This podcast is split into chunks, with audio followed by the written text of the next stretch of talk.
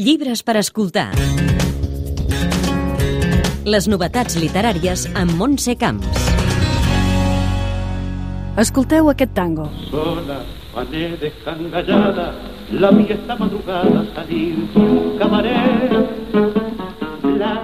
I ara, aquesta versió. Somos los tristes refugiados a este campo llegados después de mucho andar. Hemos frontera a pie por carretera con nuestro Juan. És Los refugiados del 39, una reinterpretació del famós tango de Carlos Gardel Esta noche me emborracho, d'autor anònim, que els presoners del camp de concentració d'Argelers van convertir en el seu himne.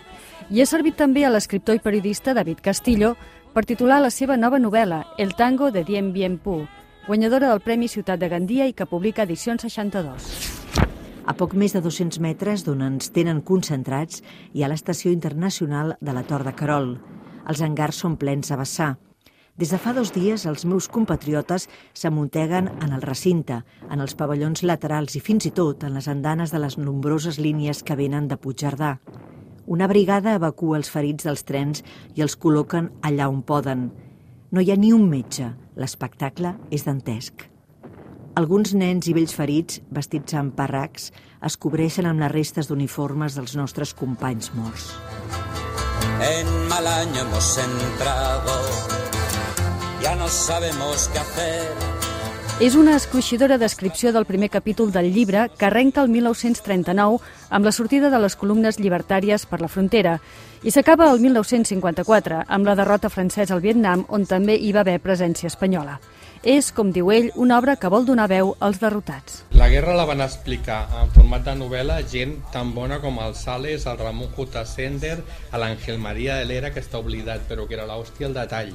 Aquí tenia una perspectiva, infinitat de llibres de memòries, tenia prou perspectiva per explicar això des del punt de vista dels pàries de la terra, dels pobres. Era una mica una memòria de, dels soldats. I darrere d'aquesta intenció hi ha 10 anys de feina, una tasca ingent de documentació i investigació per diferents arxius, des dels de Salamanca i Alcalá d'Henares fins a Amsterdam i França. Molts diu són documents inèdits. Bueno, són tota aquesta documentació que quan arribem als arxius veus que cada any surten milers d'historiadors, però aquest material és, és verge.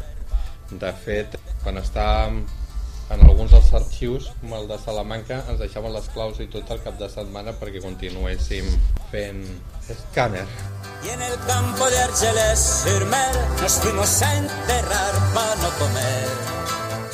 Amb aquest material de primera mà, amb descripcions que fan els mateixos protagonistes anònims de la guerra, Castillo reconstrueix la dissort d'una generació que va patir la Guerra Civil, els camps de concentració francesos, la Segona Guerra Mundial i la Guerra de Vietnam. I amb un fil conductor, Dani Cajal, personatge conegut pels lectors de Castillo, que ja apareixia altres dues novel·les, No miris enrere i El cel de l'infern. El llibre té com a portada un home amb barba i prim que s'agafa la reixa de filferro que envolta un camp de concentració. És l'avi de David Castillo, que també apareix a l'obra.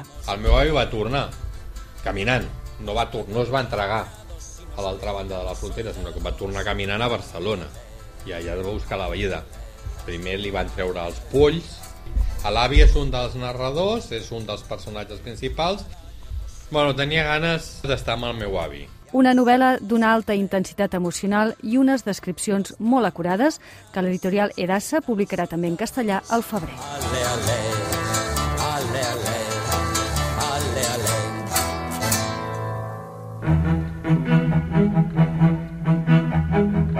L'escriptor té l'última paraula. Cada guerra és una destrucció de l'esperit humà. Henry Miller. Llibres per escoltar. Les novetats literàries amb Montse Camps.